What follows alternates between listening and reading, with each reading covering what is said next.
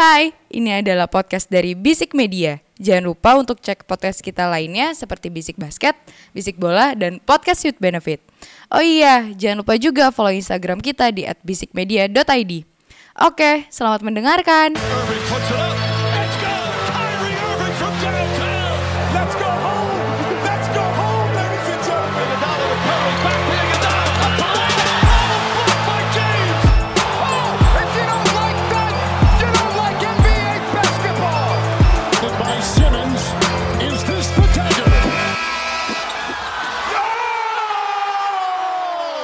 Is an off the court episode by Bisik Basket Podcast putar basket NBA dan juga dalam negeri yang diulas secara santai sebagai pecandu basket. Candu candu nganggur. Hah. Ji, Ah, skill satu dulu, apa? baru ulti. Oke, siap. Kan candu candu udah skill 1, skill 2 tuh. Candu candu nganggur gitu. Seperti biasa dipandu sama gue di Masyuada Eke Dimsu dan tadi yang bilang nganggur-nganggur. Ramzi Alam Eke Duzi PK Komeng Kerem JK Jontor Jeger Jeger Jeger. Boom boom boom, ayo beli kawa-kawa. Let's go. Kan nganggur, nganggur, nganggur gitu kan. Masih aja. Sorry. Aduh, Ji, Ya, ya, gimana? Kok nganggur gimana? Nah, gue juga nggak tahu. Hmm. Nih, ayo, ayo, nih, nih, nih. Uh, biasanya lu cerita sama gue doang. Nih para pendengar bisik basket mungkin tahu. Intinya kontrak- Guys, Ramzi lagi inilah, lagi jobless sekarang. Ya siapa tahu. Jadi kalau pada butuh di kantornya ada lowongan apa? Marketing, permarketingan, terus kayak apalah pokoknya lu mau gue jadi host. Gue palu gak ada sih intinya. ya kecuali masalah financing jangan. Hmm, hmm, ya. Ya, gue Oke. pusing. Oke, Ya. ditunggu pokoknya sampai akhir bulan. Kalau Ya. nggak ada tawaran yang masuk, Ya. Ramzi pindah ke tempat yang lain yang lebih layak. Ya, kan sempat ada kabar saya mau satu bendera sama Anda. Ha, jangan. Eh, pokoknya intinya nih, kalau lu masuk gue cabut, intinya udah gitu aja. Ih, kenapa sih? Gue nggak mau satu tim sama lu. Nah kan gak mungkin satu satu tim tim, juga ya ya. nggak bakal satu tim. Loh, Ya kan, Kan bapak lu temennya CTO gue. lah tapi kan lu kan konglomerasi. kan lini- Ayo kita nyanyiin lagu Marsnya dulu. Marilah seluruh. Nggak maksudnya kan lini bisnisnya banyak selalu aja. Emang banyak. Ya kita cuma satu Tapi payung. kalau lu di satu kantor sama gue, gue males setiap hari ketemunya sama lu. Apalagi ketemu sama Umar, teman kita juga yang udah duluan dan 6 tahun di sana. Nah ya udah, ya nggak apa-apa sekali Gua nggak mau. Lah persahabatan kita terus Saya terjaga. tidak mau. Ya udah oke nggak masalah. Enggak, tapi kalau lu masuk, gue senang, gue happy Ya, sih. iyalah. Pokoknya traktir kopi aja dulu sampai. Iya apa? eh, Robusta. Robusta.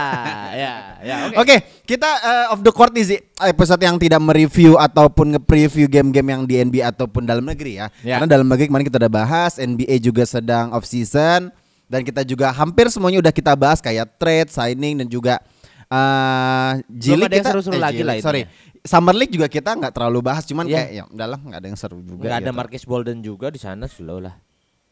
But let's talk about NBA menjelang eh uh, FIBA World Cup menjelang uh, Piala Dunia nih tinggal dua minggu lagi. Let's go, let's go. beberapa negara juga udah banyak yang eh, apa ya uji coba Uji, Gokil. uji, coba uji coba ya kan Eh, tadi kita habis nonton New Jeans Econo Eh kok nyujin sih? ketahuan iya, ya nggak Kita habis apa-apa. New Jeans. Lola Pelusa. Oke, oke kita tadi habis nonton em, beberapa highlight dari Ya. eh, negara-negara yang akan bertanding. Bertanding. di FIBA World Cup ya Eh, salah satunya tadi kita udah nonton Slovenia against eh, Spanyol, Spanyol, terus kita bahas dikit aja ya Zi ya Ya, terus tadi kita juga udah eh, nonton apa Kanada. tadi Kanada ngelawan ini Germany. ya Jerman ya Yoi. dua semuanya tim Eropa ya memang Eropa negara-negara yang Ngapain nonton Puerto Rico? ya.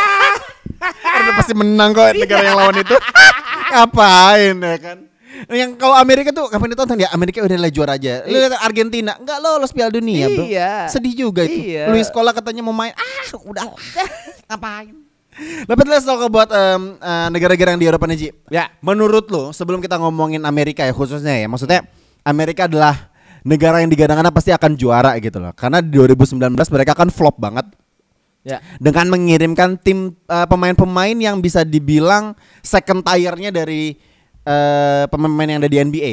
Lu yakin? Lo second? setuju nggak? Enggak Menurut ter. second tier man. Gue ter. Kalau third mah yang USS Select ya man. Enggak ter. Itu mah yang fourth. Oke. Ini third dua dan tiga lah, dua dan Ya, tiga. dua, ya, dua dan tiga. Karena kalau menurut gue kalau sampai tiga kayaknya nggak mungkin juga. Nggak, Karena kan dihuni ada, ada yang dari satu juga, ada yang first tier juga. siapa? Austin Reeves. Ya boleh setuju. Itu kan asumsi lu. Iya. Dan asumsi media. First tier Jilik kan maksud lo kan? Ah. Enggak, tapi gini, em, dengan skuad yang mungkin tidak sewah eh, tim USA di Olimpiade ya. Tapi kan tetap aja ini negara adidaya basket yang selalu diunggulkan di setiap event-event kejuaraan basket dunia Yes, gitu loh. pasti. Tapi eh, di edisi sebelumnya mereka malah menyentuh semifinal aja enggak gitu. Hmm. Nah, gue pengen nanya dulu nih sebelumnya untuk empat negara yang tadi abis kita tonton kayak Jerman, terus kemudian eh, Kana Kanada ya enggak lah, eh, enggak terlalu inilah ya. Walaupun skuadnya wah tapi gue nggak terlalu ini lah. Ada Iya. mungkin juga Yunani tanpa ada Giannis, kemudian Iya. tadi ada Spanyol dan juga Slovenia gitu loh.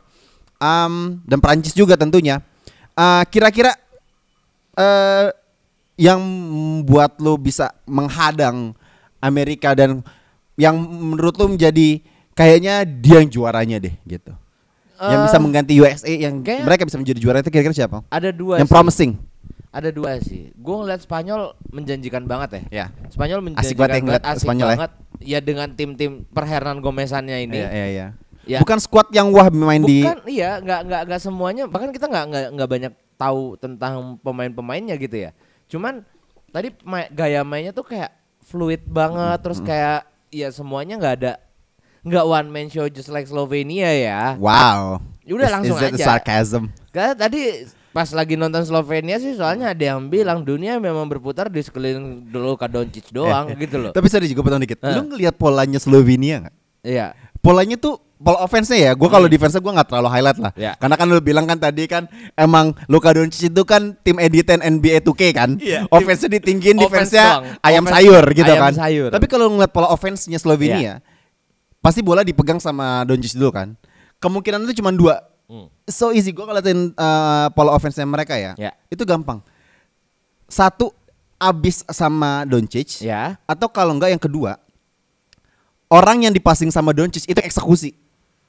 iya betul itu Pantes yang triple- pasti eksekusi. Enggak ada bola, ada Iya. bola pengalir gitu loh. Jadi beda maksudnya- banget sama Spanyol tadi Iya, main gitu. Iya, jadi maksudnya pantas si Luka Doncic triple double terus kan? Betul. Oh, iya. Ma- makanya gue bilang ya gue setuju dengan yang up, statement yang lu bilang kali kalau dunia berputar di Doncic juga Iya. nggak hanya di Dallas Mavericks, but di Slovenia also but Iya. um, tapi kalau misalnya Doncic uh, benar-benar di double team ya Iya. mungkin dia juga bisa lolos gitu loh. Iya. Bisa lolos. Tapi kalau misalnya Doncic di bench kelihatan banget kan Spanyol Yes. bisa ngejar. Jauh Karena banget, Spanyol benar-benar fluid banget mainnya benar-benar passing-passing dan basketball IQ as a whole team Ya, ngeri sih. as a timnya bagus banget. Hmm, lanjut lanjut. Kalau gue antara itu atau Jerman juga gue melihatnya eh promising sih. Gue ngeliat eh le- daripada Jerman ini deh lebih ke Prancis deh. Prancis tuh lebih promising. Ya.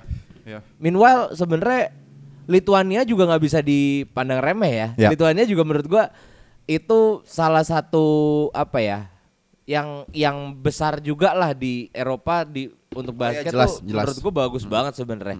Ya emang seben- jadi kalau misalnya lu mau lihat kalau buat para pendengar basic basket nih kalau misalnya emang pengen lihat eh, b- bagaimana dikdayanya Eropa di basket, lu lihat pertandingan Prancis lawan Lituania sih itu udah kelihatan kayak anjir lu mainnya bisa kayak gini ya Iya, ternyata. iya, iya, kayak iya, gitu. iya, iya. Menurut That's gue another level of basketball in Iya. FIBA level ya. Maksudnya Heeh. kayak itu lu ngeliatin tadi aja kita nonton ngangong-ngangong. Ngangong-ngangong Bisa sama. begitu tuh pasti Yang- bisa yang- gitu cara mainnya. yang gue denger cuma namanya Nunez, udah nggak ada yang gue tahu lagi sisanya, udah pokoknya gue cuman gimana ya kayak ketika lu ngelihat sesuatu tanpa lu harus ibaratnya lu datang ke festival musik nih, lu nggak tahu bandnya, tapi lu enjoy aja gitu loh.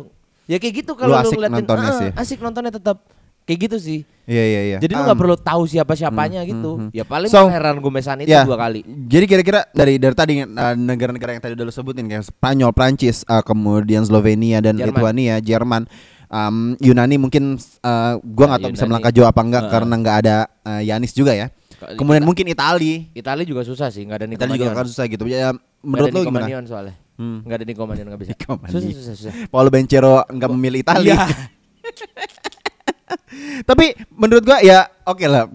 Menurut gua dua nama teratas mungkin Spanyol sama Prancis kali ya. Iya, Di iya. mana mungkin Spanyol juara bertahan. Apalagi Jangan udah- lupa juga. Walaupun lu sih- squadnya banyak yang yang lebih muda lagi sekarang, Iya. tapi gue masih yakin dengan Spanyol. Kemudian Prancis mungkin skuadnya stack banget men. Yes. Walaupun betul. gak ada Wambenyama, tapi menurut gua kayak. Oke. Apalagi Bapak itu kan sudah lepas virginity Siapa? siapa lagi?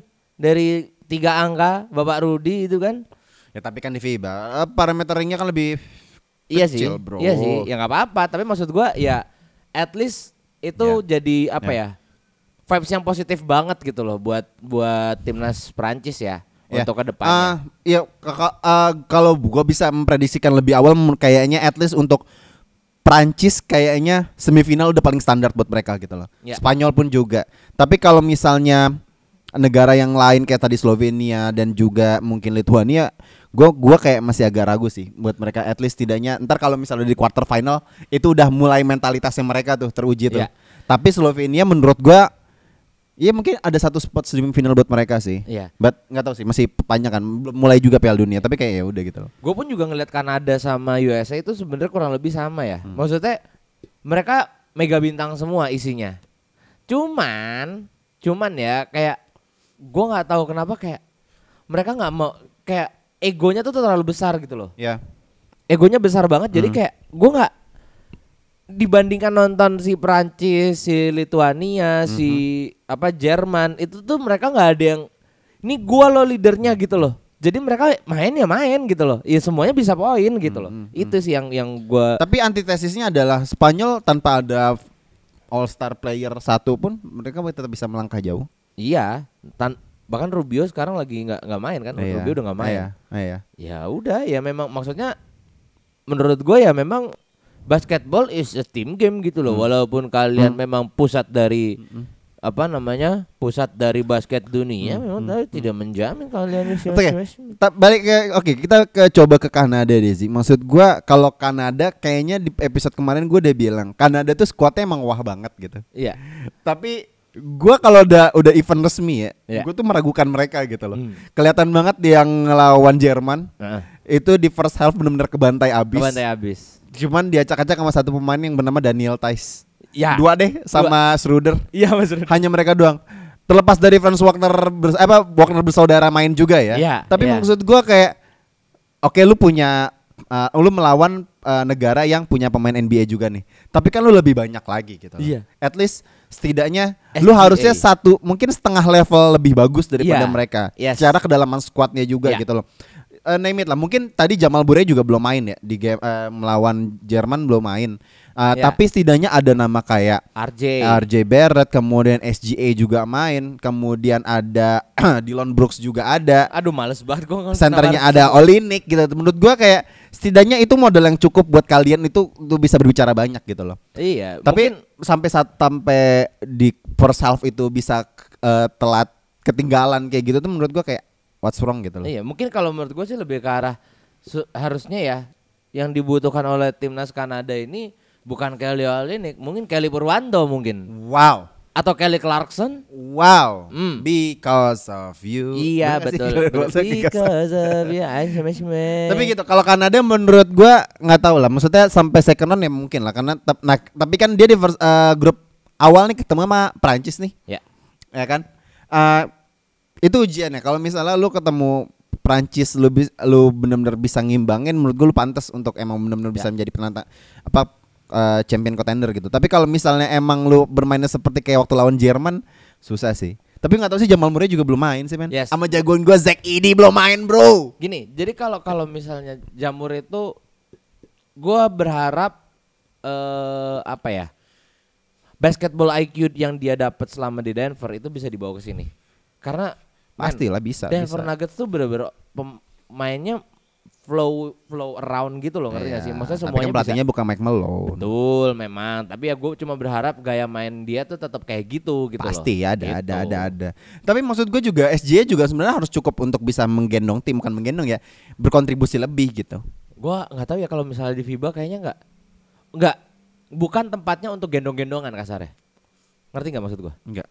Jadi bukan ada satu yang nge-carry tim, tapi ya tim No, no, Amin yang- bukan bukan nge-carry maksudnya lu berkontribusi maksudnya lebih lebih deep dive lagi gitu.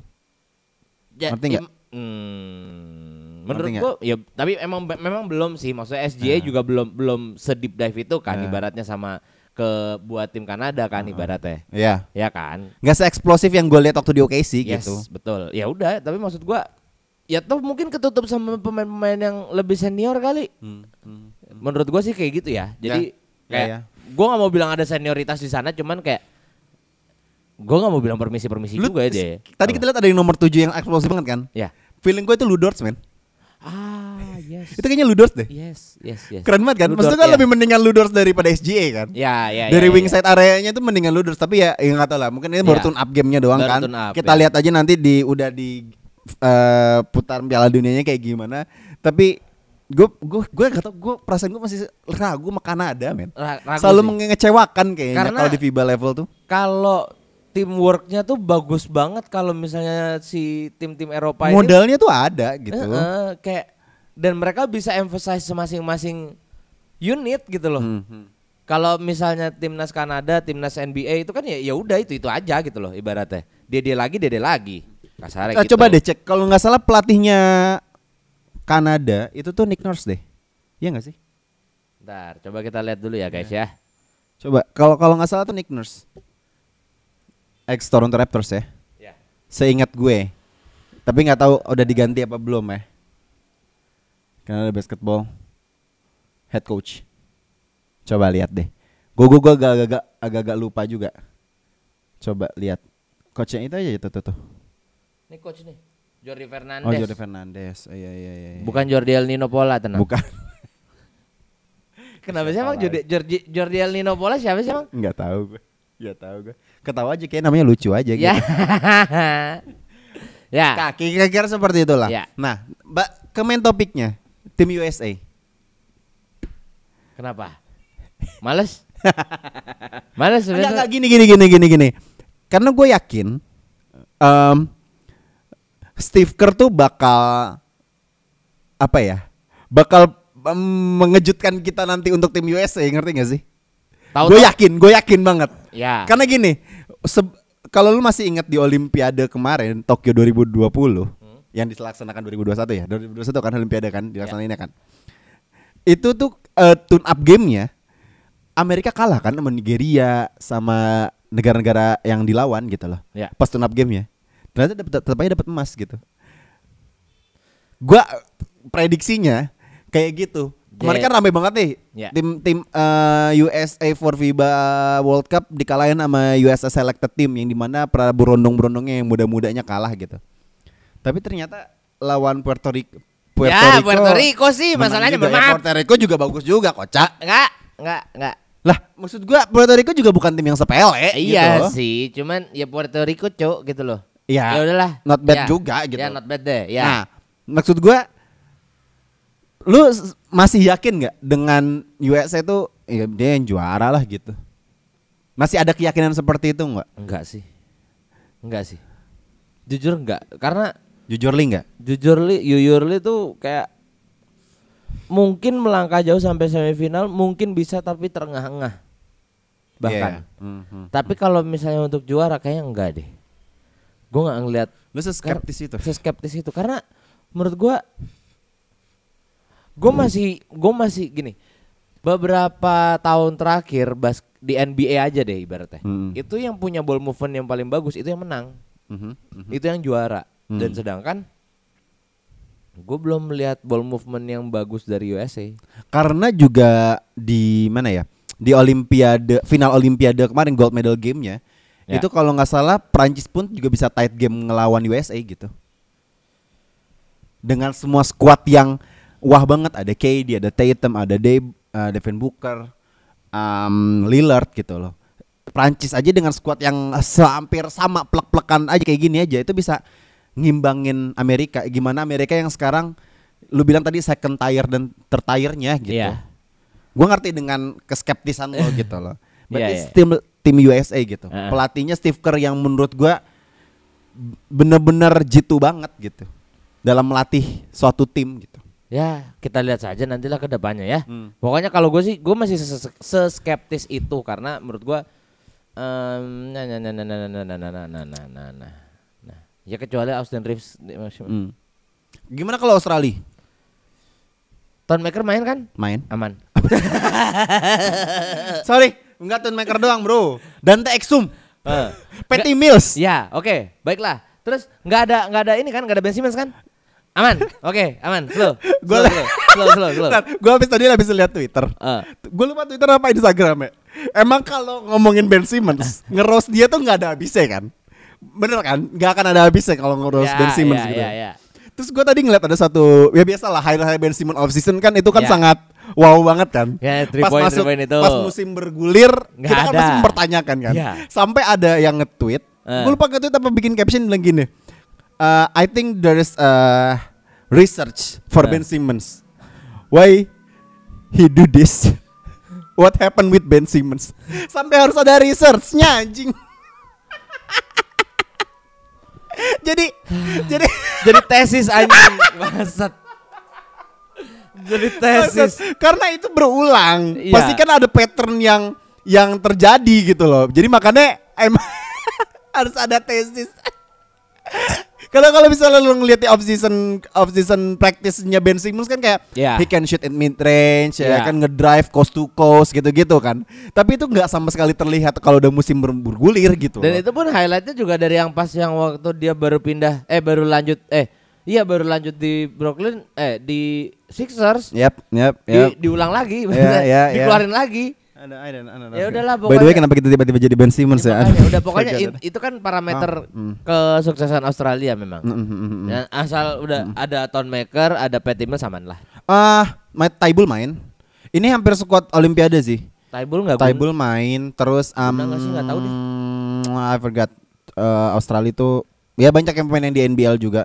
Oh, Josh Giddey main, men. Oh ya Josh Giddy Josh Giddey. Ya aman sih harusnya Perempat Harusnya. final At least tidaknya Australia bakal eh, quarter final sampai Ya. perempat final dapat eh Perempat sampai final semifinal. Dapet lah Semifinal masih Semifinal berat masih berat.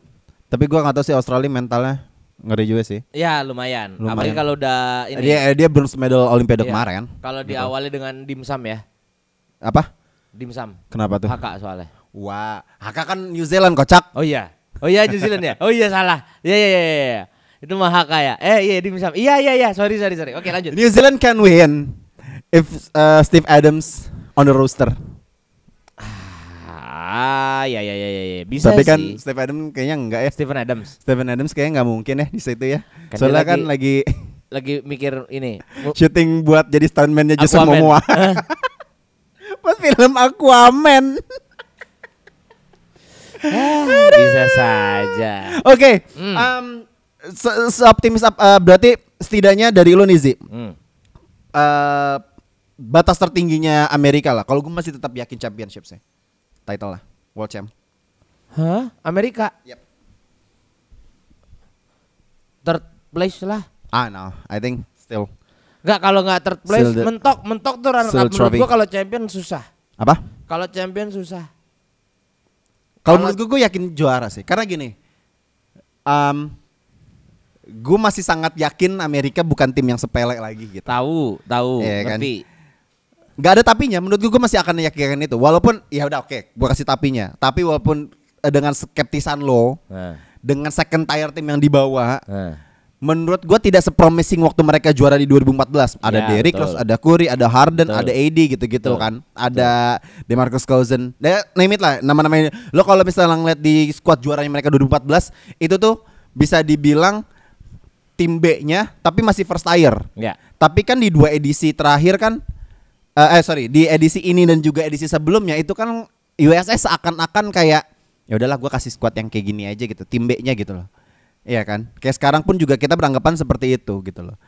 Karena parameternya di, di edisi sebelumnya adalah cuma peringkat 5 nggak juara, keskeptisan lu tuh gua memahami gitu loh. Tapi menurut gua dengan mereka di edisi kemarin itu nggak juara, menurut gua mereka akan mencari pencariannya juaranya di musim di edisi kali ini. Sebenarnya gue masih punya keyakinan akan mereka juara karena modalnya mereka tuh nggak nggak buruk-buruk banget gitu. Iya, sebenarnya iya. Cuman eh kalau misalnya kita Hmm. bayangin nih gitu ya, maksudnya kalau kita throwback zaman waktu redeem team gitu.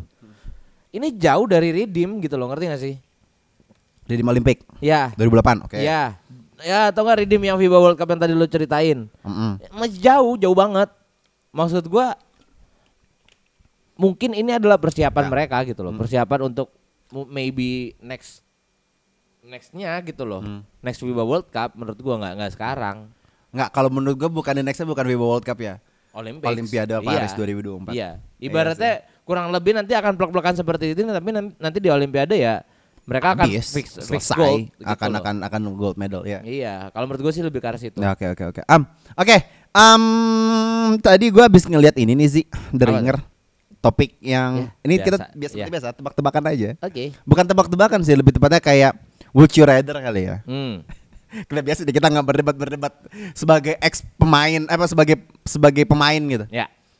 Tadi gue ngeliat ada artikel terkait em, ini sebenarnya podcastnya The Ringer Hmm? bareng sama Austin Reeves, Oh ya. ya kan?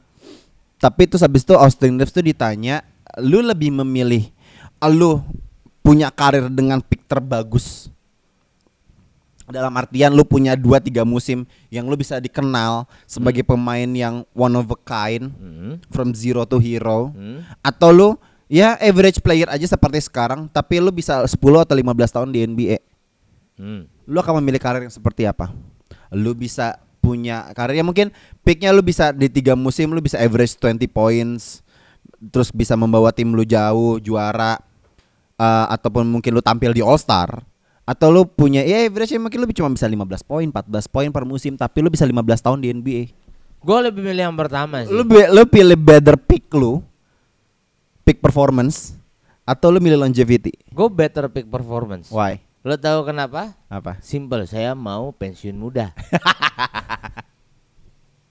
kebebasan finansial bos Financial freedom. financial freedom Iya, gue kayak gitu. ya ya ya ya Gue lebih maksudnya ya as an athlete ya. Kalau misalnya mindset an mindset athlete, athlete, ya.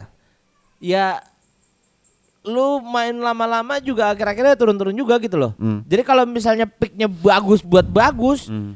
ya udah lu pasti akan dikenang just like Derrick Rose.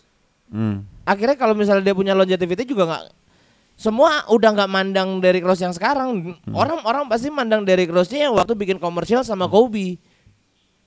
yang mana Komersial NBA itu kayak sama Kobe yang akhirnya dia bilang eh, my guy is special because I forgot I don't ya like ntar 2K. ntar lu gua kasih lihat. Ah. Ya itu maksud gua ya mendingan kayak gitu terus nanti abis itu pindah Liga Arab mungkin. si si asik tuh liganya basket Lah, oh iya, ya nggak tahu kan orang LeBron si asik tuh LeBron sama Curry aja kayaknya mau pindah. Udah Ke mana? ada yang mirip ke mana ya ke Liga Arab. Ji minimal sebelum ngetek lu mandi dulu Paling bener. Ya ini belum mandi. biar si pala lu tuh kayak ini orang ngomong apa sih tapi gua ngerti gak ngerti Ya. peak performance Peak kayak lu dua performance. tiga musim tuh lu bisa menjadi pemain yang bener-bener apa ya orang lu melihat lu kayak lekang gitu loh Ya, iya iya, benar. Itu akan selalu diingat sama Yes. para fans-fans NBA tuh lu akan Ya, diingat gitu loh. betul. Tapi kalau gue pribadi, gue lebih milih gue bisa bertahan lama di NBA dan gue nge-improve diri gue gitu. Nggak, kalau kalau saya bertahan Dan lama cukup gini. di ranjang aja lah. Wow. Wow. Ayo dan bungkus Papua buat masuk sini. Tadi gini ke Maram Zeros. Ya. Karena gini, Hmm. kalau gue longevity di NBA, gue punya kesempatan untuk mungkin eh lebih lama lagi untuk mem- mem- menambah portofolio gue. Dalam kata, dalam artian, gue mungkin bisa kesempatan untuk dapatin eh, NBA Champ berapa kali, ataupun gue mungkin punya kesempatan untuk masuk All Star ataupun juga mungkin masuk Defensive Player atau All Star Selection atau eh pak All NBA Team gitu-gitu loh. Kalau gue pribadi ya. Dan gue juga mungkin kalau misalnya masuk NBA eh, longevity-nya gue lebih lama, gue tuh bisa apa ya? Lebih lebih bisa diingat sebagai orang yang legendary aja. Walaupun mungkin dengan peak performance lu akan selalu diingat gitu loh. Tapi kalau misalnya lu punya better performance terus abis itu kemudian lu anjlok, orang akan mempertanyakan lu. Walaupun lu akan menjadi legenda. Sa- sambil contohnya Brandon Roy. Dia kan sewah itu waktu di Portland. Ya. Setelah dia cedera, dia nggak di NBA, orang mempertanyakan anjing, what if biggest disappointment? Akan Ya. selalu seperti itu gitu loh. Tapi kalau lu longevity, lu biasa aja. Mungkin orang akan sedikit nggak mengingat lu. Tapi setidaknya untuk diri lu, lu adalah legenda suatu tim. Nah, gimana kalau misalnya lu longevity lu Mm. itu kayak lu will. pindah-pindah tim, banget. kagak pernah punya cincin. For the three time most eh bedi itu apa Three, sih? three times six ah ini six man of the year. Ya, Ya. gue gak masalah juga gitu. Oh, yaudah. Tapi kan lu punya kesempatan kayak gini. Gue tuh pengen kayak aduh, siapa ya yang Jeremy Lin. Jeremy Lin. Kayak lu lu lama di NBA, tapi at the end of time lu juara. I love Enggak, Ja- Jeremy Lin emang oh ya sempat juara sih di Toronto. Iya, ya kan di Toronto dia juara kan walaupun dia bukan apa-apa, tapi kan setidaknya lu hidup lu tenang. Nggak ada pressure yang benar-benar membuat lu terbebani dalam bermain gitu. Nggak ada what if-nya anggapan orang-orang terhadap diri lu gitu. Yaudah, lu bayangin kalau misalnya lu punya better performance, better pick, terus habis itu kemudian at- lu cuman eh, lu tadi gue udah bilang tiga tahun lu di punya punya better eh, better performance di liga, kemudian suatu dan lain hal tiga musim kemudian lu hilang, lu nothing. Itu kan orang bakalan lu bayang nggak? Entar orang bertanya-tanya lu kenapa, lu kenapa kayak gitu, ekspektasi orang-orang terhadap tinggi terhadap lu, tapi tiba-tiba lu hilang. Mendingan hidupnya santai aja, Bro. Longevity lu gaji cuman segitu, segitu, segitu, segitu. Minimalism. Hidup sudah terukur, nyantai aja, gak usah ada ekspektasi. Oh jadi itu ya yang dirasa. Itu dia tuh, Enggak. Enggak enggak karena Enggak. karena gue tahu lu kan hidupnya yolo banget nih Ji ya kan. Kalau ibaratnya. Jodin lu selalu all in lah ibaratnya ya kan. Enggak. Kalau bisa race race gitu. Kalau gue mah fault santai aja. Iya. Ada momentumnya jedar, ada momentum Nah. jedar gitu kalau Enggak. gua. Ini tuh gue baru kepikiran gitu ya better peak performance terus kayak lu Hmm. punya eh, stat line yang bagus banget di 2 sampai 3 musim Mm-mm. terus abis itu orang-orang malah mempertanyakan aku langsung keinget sama satu orang bernomor punggung 0 yang sekarang digaji cuma 8 juta per tahun dulu sih ya eh rekor triple double di dia terus ya kan Gini untuk mas-mas yang tadi lu sebutin. ya Lu nonton waktu lu di 2017 Hmm. ngelawan Real Madrid. Hmm. Lu lihat tuh lu match sama Doncic. anak pemain umur 16 tahun. Ya. Lu lihat kena apa dia bisa seperti itu, lu enggak. Ya aku lebih kayak gitu sih. Abis itu memang langsung pensiun memang. Abis dari Lakers tuh saya harusnya pensiun. Gak usah ke Clippers, nggak usah, nggak usah. Mendingan saya dagang warung buka mie ayam gitu. Ngerti gak? Ya, orang saya punya modal loh, gitu. Buka franchise tuh. Buka franchise tuku. Sama mie ayam kekinian. heeh. Sama buka toko-toko art artisanal gitu. Se- sebelah dikit ini ada Pertamini. Sebelahnya lagi biasanya Arafah kebab tuh. Atau enggak buka franchise Alfamart. Oke sekian episode of the court kali ini gue Dimsu. Gua Ramzi. We're signing out. Bye.